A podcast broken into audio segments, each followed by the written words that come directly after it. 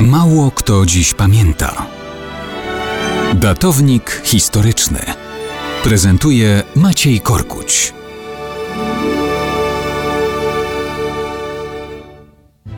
Mało kto dziś pamięta o dokonanej 17 lutego 1944 roku wspólnej akcji członków komunistycznego podziemia i Gestapo.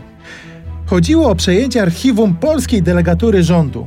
Były tam kartoteki zdrajców pracujących na rzecz Niemców i jednocześnie zdrajców pracujących na rzecz Sowietów. Ta akcja stała się możliwa dzięki pracy Bogusława Hrynkiewicza. To jedna z najpodlejszych postaci w okupacyjnej Warszawie. Przedwojenny komunista, zwerbowany w czasie wojny na tajnego współpracownika NKWD. W Warszawie stał się bliskim współpracownikiem Mariana Spychalskiego, tak zwanego szefa sztabu komunistycznej Gwardii Ludowej.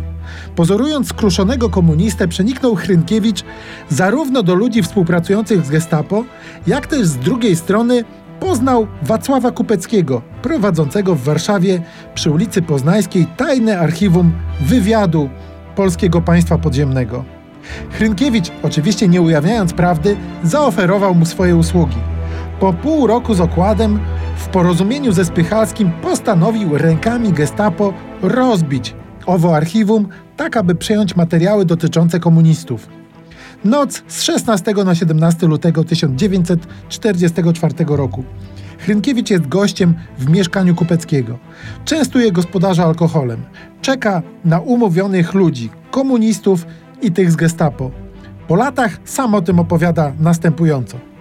W czasie likwidacji zjawił się w mieszkaniu Kupeckiego wyznaczony gestapowiec, któremu przekazałem materiały na strychu. Następnie wręczyłem ludziom z Pychalskiego cjanek potasu w celu otrucia Kupeckiego.